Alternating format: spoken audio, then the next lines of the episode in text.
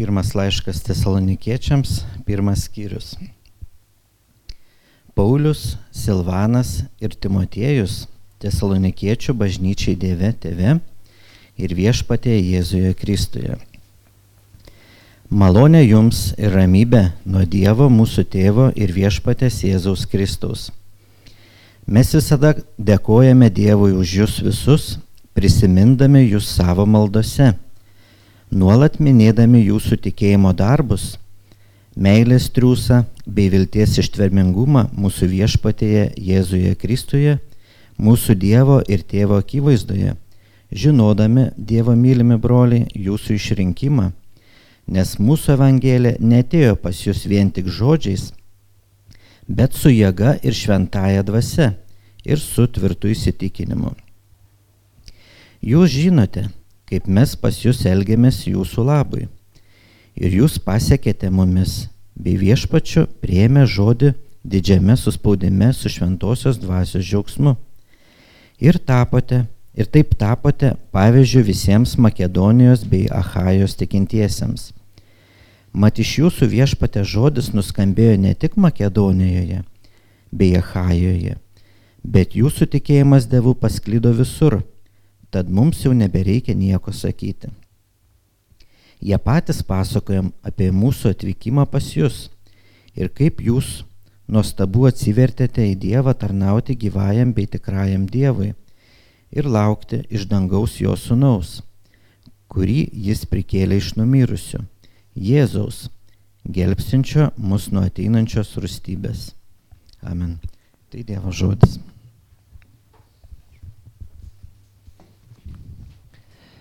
Pasimelskime.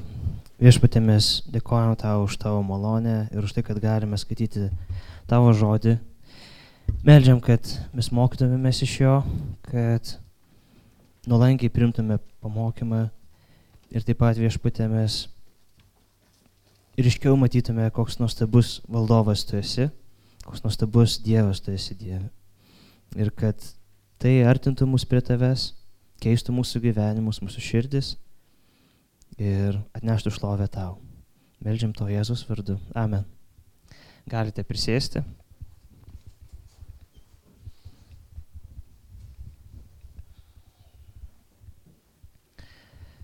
Kurį laiką bažnyčioje kelis mėnesius gilinamės į Pauliaus laiškus Korinto bažnyčiai.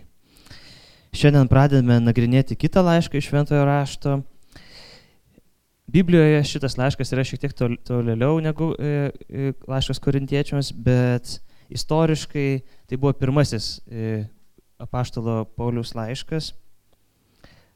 Taigi mes pasikilinsime į jį ir tai yra laiškas tesalonikiečiams. Apaštalas Paulius antroje savo misijų kelionėje keliavo skeldamas Evangeliją ir pasiekė Graikiją. Čia matote žemėlapį, iš Jeruzalės iškeliavo, Antiochija, Tar, Tarsas ir taip toliau pasiekė Filipus ir tada kairėje viršuje matote Tesaloniką parašytą. Tai Paulius su bendražygiais, tai Silas, kaip mes skaitome, Silvanas parašyta ir latiniškai, ir Timotiejus, tai su, su šitais bendražygiais pasiekė Tesalonikus Tesalonikai tuo metu buvo laisvasis Romos imperijos miestas, pastatytas puikioje strategiškai svarbioje vietoje. Ir tai buvo toks, taip sakant, kosmopolitiškas miestas, daug įvairių žmonių, daug kultūrų, labai skirtingos tos kultūros, įvairios religijos. Ir, kaip matote, kelias tarp Europos ir, ir tarp, tarp Azijos, kelyje tarp Europos ir Azijos. Tai Čia Paulius tris savaitės aiškino raštus žydams sinagogoje, įrodinėjo jiems, kad Jėzus yra mesijas, kuris gelbsti iš pražūties. Ir dalis žydų įtikėjo ir prisidėjo prie Paulius. Taip pat ir nemažai graikų e, prisidėjo ir patikėjo tapo krikščionėmis. Tačiau nepasitenkinę Pauliumi žydai, tie, kurie nepatikėjo jo, sukurstė minę ir užpuolė namus, kuriuose buvo apsistojęs apaštalas. Jie teigia, kad krikščionis laužo ciesorius įsakymus, nesako, jog yra kitas karalius, Jėzus. Todėl miesto vadovai sunerime paleido, sunerime jie suėmė visų pirma į Paulių ir kitus mokinius, bet po to paleido ir su sąlyga, kad Paulius ir Silas yra išvaromi iš miesto ir jie negali grįžti į jį. Tai Tesalonikos žydai toliau sekiojo Paulių po kitus miestus, jie kurstė žmonės, kad jie netikėtų Pauliumi. Tai tokia įdomi istorija. Ir Paulius įsteigė bažnyčią Tesalonikose, su, bažny, su bažnyčios tikinčiaisiais praleido daugiausiai porą mėnesių, nors skaitome, kad tik tais tris savaitės, bet galima gal manyti, kad gal net ir iki dviejų mėnesių praleido ir buvo išvarytas iš miesto. Galiausiai Paulius pasiekė Atenus, kaip matote žemėlapį yra Atenai, ir Korinto miestą. Ir Pauliui tarnaujot Korinte iš, iš Makedonijos sugrįžo Timotiejus su naujienomis iš Tesaloniko. Sužinojęs, kaip gyvena tesalonikiečiai, paštalas Paulius, Paulius parašė jiems laišką. Ir kurį dabar skaitome šitą laišką, Paulius parašė, būdamas Korinte, tarnaudamas korintiečiams.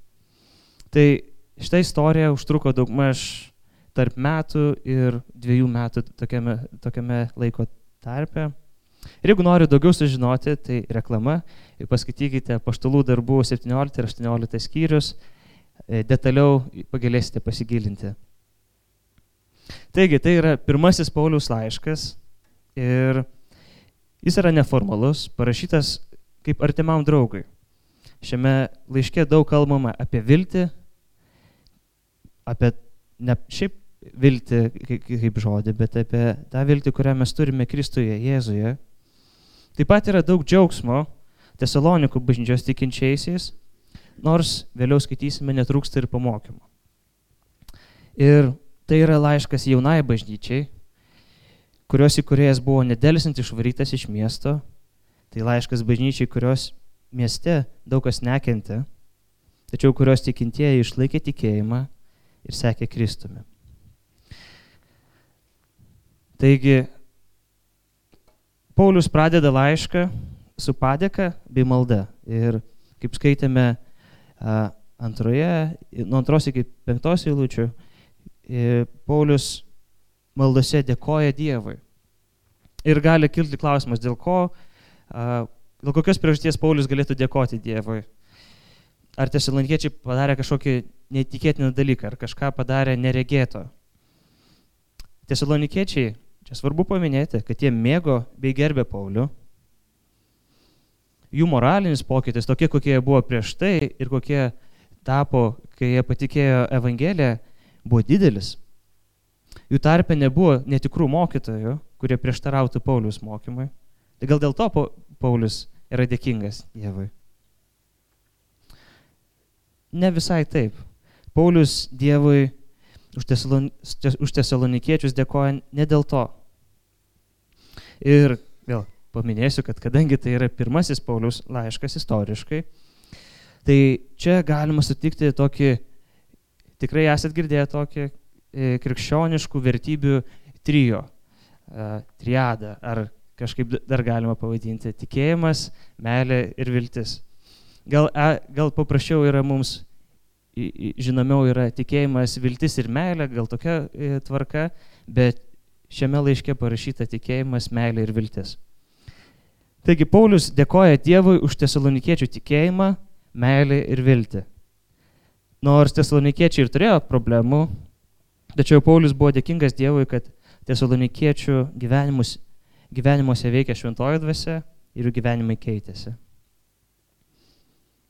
Tikėjimas tesalonikiečių gyvenimuose ugdė jų darbus, meilė skatino juos dirbti, ne taip, kad tiesiog padirbti ir, o, fainai, šiek tiek padirbu, bet iš tikrųjų triūsti, varginančiai stengtis ir galiausiai viltis ugdė jų ištvermingumą. Išbandymuose tesalonikiečiams reikėjo ištvermės, ne tik, kad jie išgyventų, bet kad jie įveiktų tos sunkumus. Taigi šitos trys vertybės - tikėjimas, meilė ir viltis - yra svarbios tikinčiųjų brandai. Paulius dėkoja Dievui nes žino, kad tesalonikiečiai yra mylimi Dievo ir yra išrinkti išgelbėjimui. Kaip Paulius tokį dalyką galėjo žinoti? Čia ketvirtoje lūtėje skaitome, kad mes visada dėkojame, žinodami Dievo mylimi broliai jūsų išrinkimą. Kaip Paulius galėjo tai žinoti? Kaip Paulius galėjo žinoti, kad tesalonikiečiai bus išgelbėti, kad Dievas juos išrinko, kad Dievas myli juos? Praleido žiauriai mažai laiko, be galo mažai laiko. Dabartiniai kultūrai mes, mes gyvename ir, ir žinios, įsitikinimai bei tiesos dažnai yra apraizgami tokiu relativizmu. Žmonės nebetiki, kad kažkokia, kad egzistuoja iš viso universali tiesa. Nes tokiu atveju ta tiesa kažkam nepatiks. Jeigu yra tiesa, tai ji kažkam nepatiks, kažką žais. O kas čia per tiesa, jeigu, ji, jeigu man skauda dėl to? Jauni žmonės ypatingai nieko nebežino. Jei paklaustumėt jaunuolio, kokia yra jo pozicija tam tikrų rimtų klausimų, jis nieko neatsakytų. O jeigu ir atsakytų kažką, tai atsakymas būtų toks glotnus ir, ir ste, būtų stengiamasi nieko neįžeisti. Ir iš esmės tai joks atsakymas. Tai ne atsakymas, o tiesiog išsukinėjimas nuo atsakymą.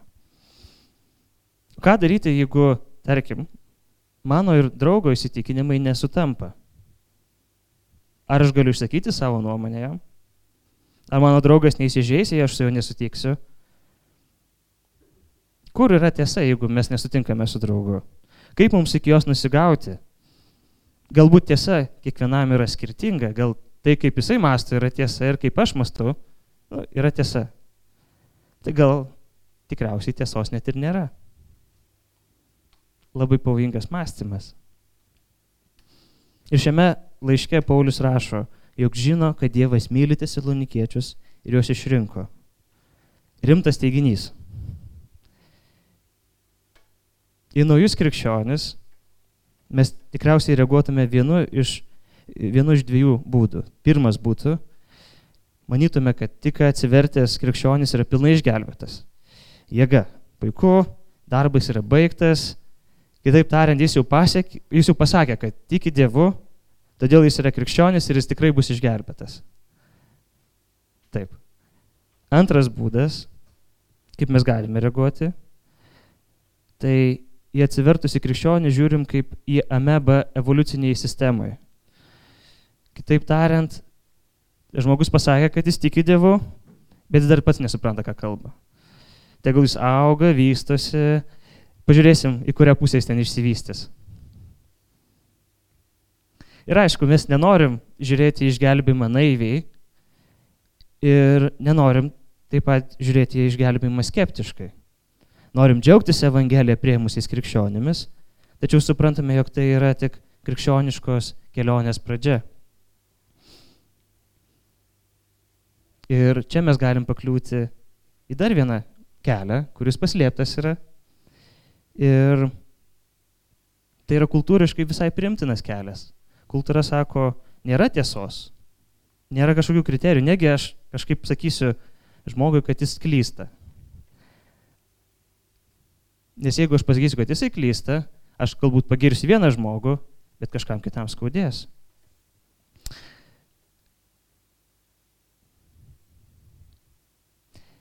Mes manome, kad iš esmės neįmanoma iki galo sužinoti, ar žmogus bus išgelbėtas. Juk tai yra asmeniška. Mes nesam Dievas, mes nežinom visko, o jei ir būtume kaip Dievas, tai Europos asmenų, asmens duomenų įstatymas mums draudžia žinoti tokius dalykus apie, apie žmonės, nes tai yra asmeniška informacija, tai be šansų sužinoti tai. Be jokios abejonės visi šitie trys keliai yra klaidingi. Krikščionis džiaugiasi dėl naujai įtikėjusių krikščionių, nes tapti krikščionimi yra pati geriausia, pati geriausia naujiena. Tai yra pats geriausias dalykas, kas gali nutikti gyvenime. Tačiau tai iš tiesų yra tik tais krikščioniško gyvenimo kelionės pradžia. O kelionė ne visuomet aišku, kur kelias gali nuvesti. Mes norime džiaugtis ir kartu nepalikti realybės norime palaikyti naujus krikščionis, bet tuo pačiu ir padrasinti juos kelioniai, o ne polisiui. Taigi pamatuoti, kiek kitas žmogus yra nuoširdus, kaip jis suvokia Evangeliją, kokia yra gyvenimo trajektorija, yra praktiškai neįmanoma. Jei neturime įrankių, jei neturime kriterijų, mes negalime įvertinti, ar žmogus tikrai savo gyvenimą patikėjo Kristui. Todėl kultūriškas toks nežinojimas ar apsimetimas, kad mes nežinome, nenoras užgauti, tampa labai patrauklus. Jei mes patys iki galo nežinome, kaip teisingai vertinti, tai kam tada užgauti kito jausmus? Geriau neįžeisti, geriau nekalbėti apie tai ir pažiūrėsim, kas išeis. Atrodo, kad geriau būtų palaukti rezultato kartu su nauju tikinčiuoju, negu jį numatyti. Klausimas tokiu atveju, ką daryti, jei naujas, naujai tikėjęs krikščionis eina šunkeliais. Kas jam bus, jei broliai ir sesės nenorės jo įžeisti, bet leis jam eiti destrukcijos keliu? Ar tai yra krikščioniškas rūpestis?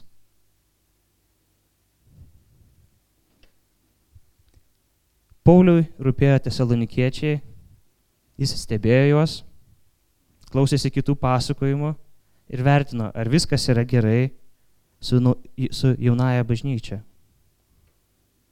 Nepamirškime, kad Tesalonikų bažnyčia buvo tik susibūrusi, kai Paulius buvo išvarytas iš miesto.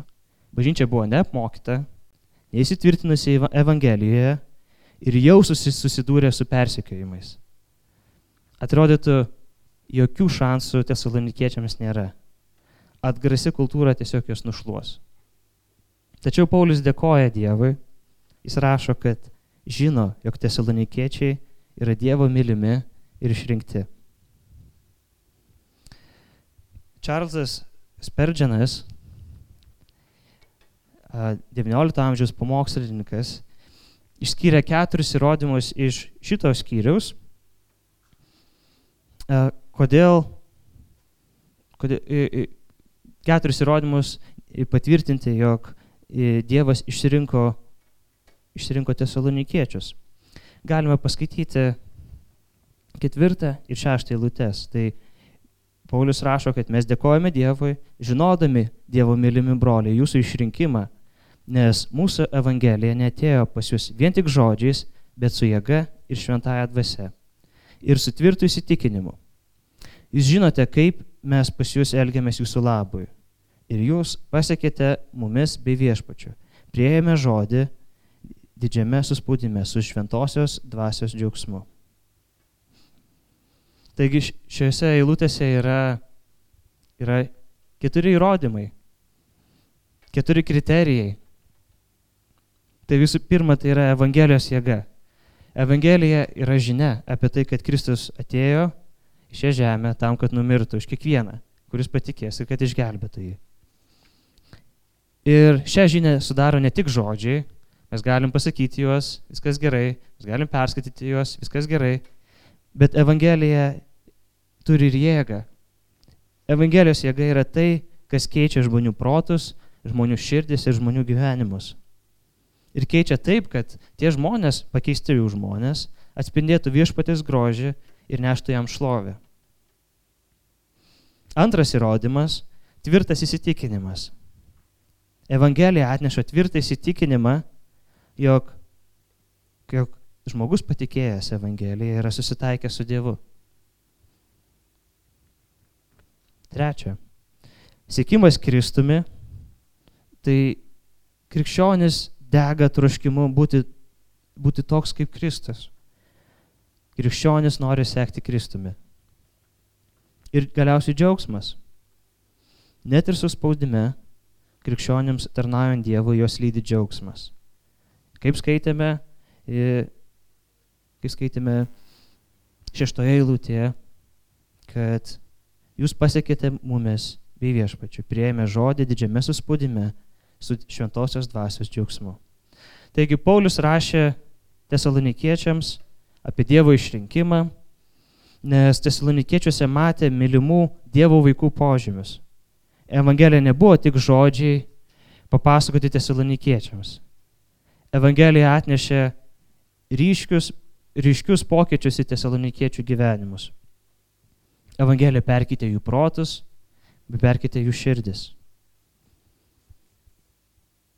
Todėl tas tesalonikiečiai, nors įspaudžiami priešiškai nusiteikus, nusiteikusio miesto, jie tvirtai tikėjo viešpačiu.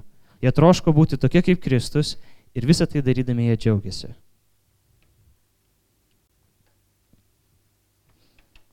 Prieš atvykdamas į Tesalonikus, Paulius ir Silas patyrė tokį patį šventosios dvasios džiaugsmą. Jie viešėjo Filipuose, kurie buvo surakinti ir uždaryti kalėjimą. Sėdėdami kalėjime, jie džiugiai gėdojo gesmes, nepaisant to, kad juos varino dideli sunkumai. Tai nebuvo toks bukas fatalizmas, kad aš pasiduodu likimo nulemtos aplinkybėms. Tai buvo pasitikėjimas viešpačiu. Judėkime toliau. Paulius rašo, jog tesalonikiečiai pasiekė juo bei viešpačiu, o tuomet tapo pavyzdžių visiems tikintiesiems. Paulius mokė krikščionis naudodamas savo gyvenimą kaip pavyzdį ir čia norėčiau tokį va terminą parodyti - asmeninė mokinystė. Tai čia nėra e, korepetitorius ar, ar tai nėra, kai mok, esi mokamas vienas.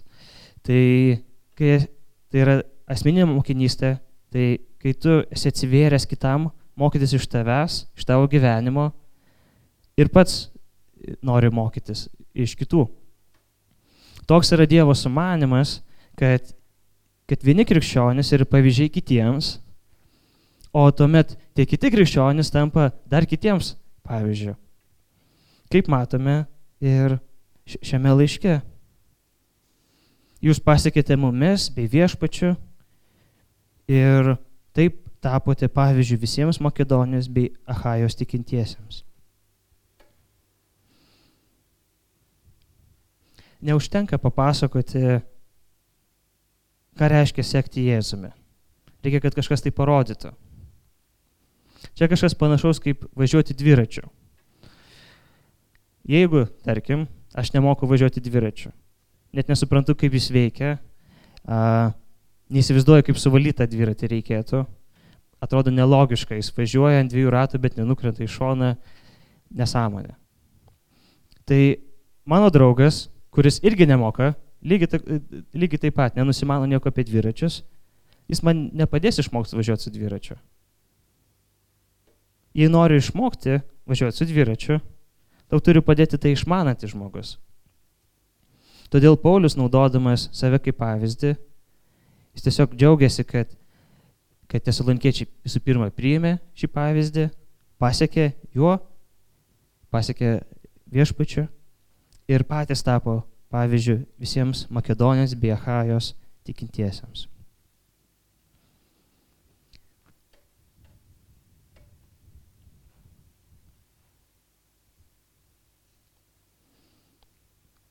Galime paskaityti 8, 9 ir 10, 10 eilutes. Mat iš jūsų viešpatė žodis nuskambėjo ne tik Makedonijoje bei Ahajoje, bet jūsų tikėjimas Dievu pasklido visur. Tad mums jau nebereikia nieko sakyti. Jie patys pasakoja apie mūsų atvykimą pas jūs ir kaip jūs nuostabu atsivertėte į Dievą tarnauti gyvajam bei tikrajam Dievui. Ir laukti iš dangaus jo sunos, kurį jis prikėlė iš numirusių. Jėzaus gelbstinčio mus nuo ateinančios rūstybės. Iš tesalonikiečių viešpatė žodis nuskambėjo visur. Tesalonikiečiai skelbė išgelbimą per Kristų svetim šaliams, keliautojams, kitatikiams, nes tokių jų mieste buvo daug. Todėl Evangelija nuvilnyjo per visą romėnišką pasaulį. Tesalonikiečių tikėjimas Dievu ne tik perkite jų pačių gyvenimus, tačiau pasklydo ir visur kitur. Žmonės patys pasakojo Pauliui apie jo atvykimą pas tesalonikiečius. Įsivaizduokit, kokia keista, kokia keista situacija. Paulius ateina pa žmonės, nori skirti Evangeliją, sako, oi, oi, čia gal ta pati Evangelija, kur Paulius toksai atvyko į, į Tesalonikus ir čia tai buvo. Ir Paulius sako, oh, tai čia aš tas Paulius ir tada ir tokia labai keista. Žmonės tiesiog girdėjo apie, girdėjo Evangeliją. Čarlzas Sperdžinas rašo, visi klausinėjo, kodėl, kas atsitiko šitiems tesalonikiečiams. Šitie žmonės sulaužė savo stabus, jie garbino vieną Dievą, jie pasitikė Jėzumi, jie nebėra girti, nesažiningi, nešvarūs, priekabus. Visi kalbėjo apie tai, kas atsitiko tarp šių atsivertusių žmonių. O būtent naujai atsivertę krikščionis yra geriausia krikščionybės reklama ir stipriausias krikščionybės argumentas.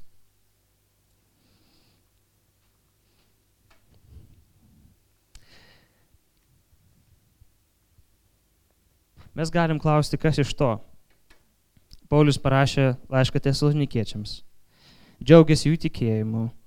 Apie problemas dar nekalba pirmam skyriui. Tai darys tolimesnėse skyriuose.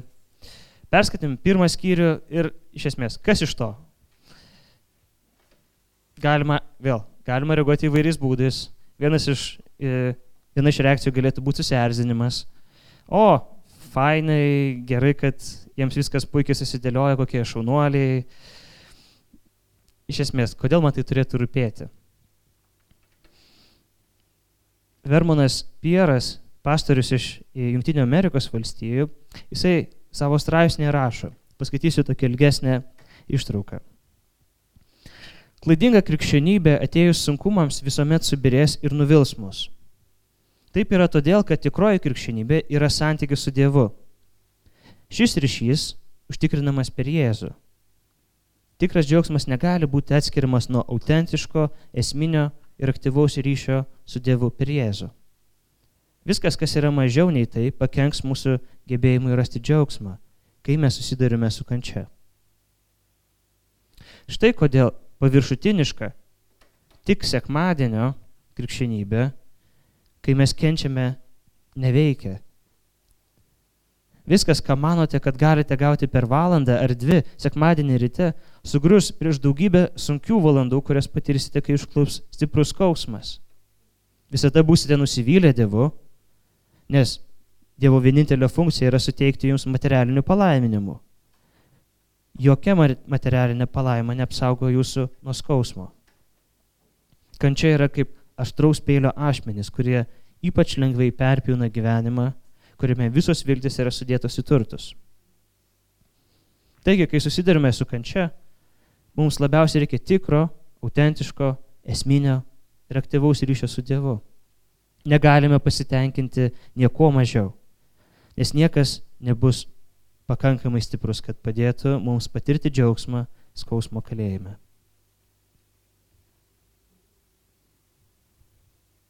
Taigi, ką daryti? Jei esu nusivylęs, ką daryti, jeigu vadovaujasi tik sekmadienio krikščionybės versija. Atinu tik tai sekmadienį, atbūnu kaip krikščionis ir viskas. Ką daryti, jei pridarau klaidų? Ką daryti, jei neturiu santykio su Dievu arba šitas santykis yra nutrūkęs? Ką daryti, jei ryšio su Dievu niekuomet ir neturėjau? Yra tik vienas kelias. Ir tas kelias yra Kristus. Kristus tapo žmogumi, kad per kančią ir savo mirtį iš nuodėmės gniauštų galėtų išpirti kiekvieną. Nesvarbu ką, bet kiekvieną, kas juo patikės. Užtenka tikėti tuo, kad Jėzus mirė už mano nuodėmės, prisikėlė ir išgelbėjo mane. Užtenka atgailauti ir išpažinti Evangelijos žinę, kad Jėzus yra mano gelbėtojas. Tai yra vienintelis kelias į išganimą, išgydymą ir gyvenimo pasikeitimą. Tesalonikiečiai, jie kentėjo. Išgirdo išgelbėjimo žinę, patikėjo šią žinę ir viskas taiga pasikeitė. Miestas sukilo prieš krikščionis, miesto valdžia išvarė Paulių iš Tesalonikų, jų ką tik atrastas tikėjimas Kristumi buvo lik įmestas į ugnį. Mums kartais sunku būna pakelti, kai kas nors vienas žmogus sužino, jog mes esame krikščionis. Čia visas miestas tai žinojo ir jie nebuvo nusiteikę taikiai ar tolerantiškai. Tesalonikų krikščionis buvo mesti kaltinimai, jog jie yra šalies išdavikai, jog jie garbina kitą karalių, o ne Cezarį. Tai pakankamai temta situacija. Daug kančios ir daug skausmo. Tačiau Paulius rašo tesalonikiečiams, jog džiaugiasi jų tikėjimo darbais, meilės triūsų bei vilties ištvirmingumo. Tikėjimo darbai nereiškia, kad tau reikia kipti į darbą, o tada jau bus aišku, kad tada jau tikrai išsiaiškinsi. Jeigu kibai į darbą, tada išsiaiškinsi, kad tu tikrai tiki. Tu tikrai tiki. Tesalonikiečiai turi tikrą tikėjimą, nes toks tikėjimas pasižymi darbais Dievo karalystėje. Darbų trūkumas kaip tik rodo tikėjimo stoką. Tačiau sutelkti dėmesio šitoje vietoje nereikia į darbus, nes tai nėra išeitis. Fariziejai taip darė, jie sutelkė visą savo dėmesį į darbus, tačiau Jėzus juos pasmerkė, nes jiems trūko tikėjimo, bei jiems trūko meilės. Tikras tikėjimas yra išreiškiamas darbais Tėvo karalystėje. Meilės triūsas. Meilė yra gyvybiškai svarbi mums darbuojantis viešpačiui kaip skaitėme laiške korintiečiams, galima turėti tikėjimą, galima turėti pažinimą, pranašiškas galės, galim paukoti absoliučiai viską, ką turi savo gyvenime, bet jeigu tau truks meilės, tai viskas yra veltui. Meilė aukojasi, meilė sunkiai dirba ir dėmesys vėl sutelkiamas ne į darbus, o į meilę. Krikščionys dirba ne todėl, kad jie turi atlikti kažkokį darbą dėl viešpatės. Tačiau krikščionys visų pirma myli Dievą, myli vienas kitą ir dėl to darbuojasi. Todėl meilė skatina mūsų darbus. Ištvirminga viltis.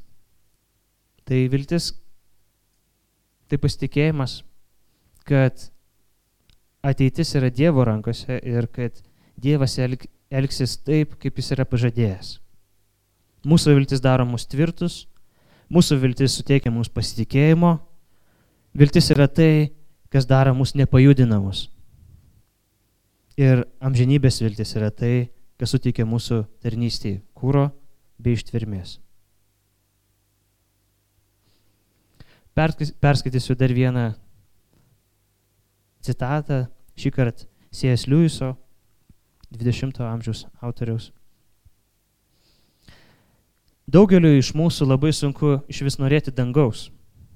Išskyrus tokius atvejus, kai dangus reiškia vėl susitikti su savo mirusiais draugais. Viena iš šio sunkumo priežasčių yra ta, kad nesame apmokyti. Visas mūsų išsilavinimas yra linkęs sutelkti mintis į šį pasaulį. Kita priežastis yra ta, kad kai mumise yra tikrasis diev, dangaus troškimas, mes to nepripažįstame.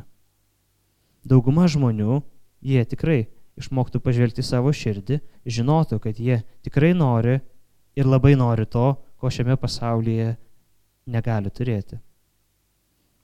Šiame pasaulyje yra daug įvairiausių dalykų, kurie siūlo tau tai suteikti, bet jie niekada neįvykdo savo pažadą. Taigi,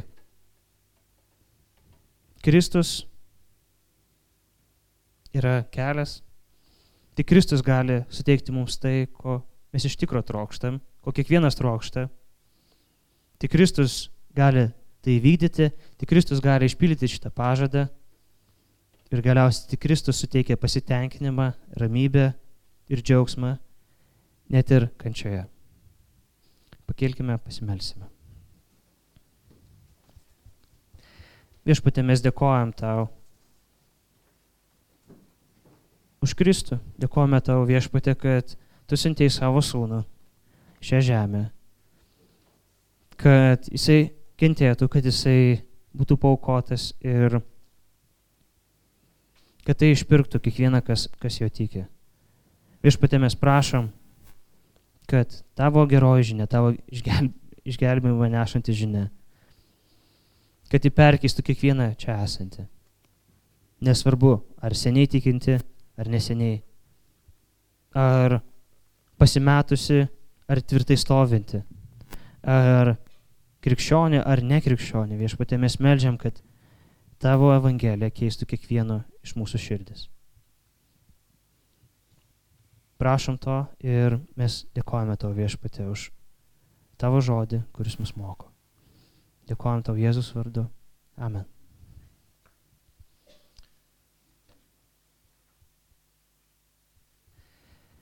Kiekvieno mėnesio pirmą sekmadienį bažnyčioje švenčiame viešpatės vakarienę.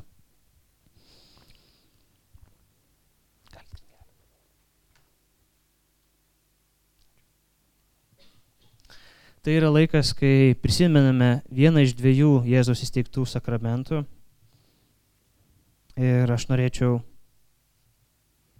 trumpai perskaityti naujo miesto katekizmo du klausimus ir du atsakymus. Kas yra sakramentai? Tai Dievo duoti ir Kristus įsteigti sakramentai, tai yra krikštas ir viešpatės vakarienė, Tai išoriniai ženklai, kurie byloja, kad mes esame tikėjimo bendruomenė, suvienita jo mirtimi ir prisikėlimu. Kai priimame ir vykdome šiuos sakramentus, šventoji dvasia aiškiau mums apreiškia ir patvirtina Evangelijos pažadus. Kas yra viešpatės vakarienė? Kristus įsakė visiems krikščionis valgyti duoną ir gerti iš taurės su dėkingumu, prisimenant jį ir jo mirtį. Dalyvaudami viešpatės vakarienė mes patirime Dievo artumą, džiaugiamės bendrystę su juo ir vienas su kitu. Pamaitiname savo sielas. Viešpatės vakarienė taip pat pažymė, jog artėja ta diena, kai mes valgysime ir gersime kartu su Kristumi jo tėvo karalystėje. Taigi viešpatės vakarienė yra simbolis. Taip mes prisimename Kristų ir jo mirtį. Ir ši dalis yra skirta krikščionims. Todėl jei esi čia ir nesi krikščionis, o gal nežinai, ar toks esi, tuomet dalyvauk kaip stebėtojas. Dabar bus dalinama duona taip pat bus dalinimas vynas. Nealkoholinis vynas yra tamsesnis gėrimas, sultis yra šviesesnis gėrimas, pasirinkite, kuris jums tinkamesnis. Gėdosime giesmę, mąstykime apie tai, prisiminkime Kristų, prisiminkime jau mirtį ir, ir prašykime, kad jo kraujas mūsų atpirktų gyventi naujai. Kėdokim.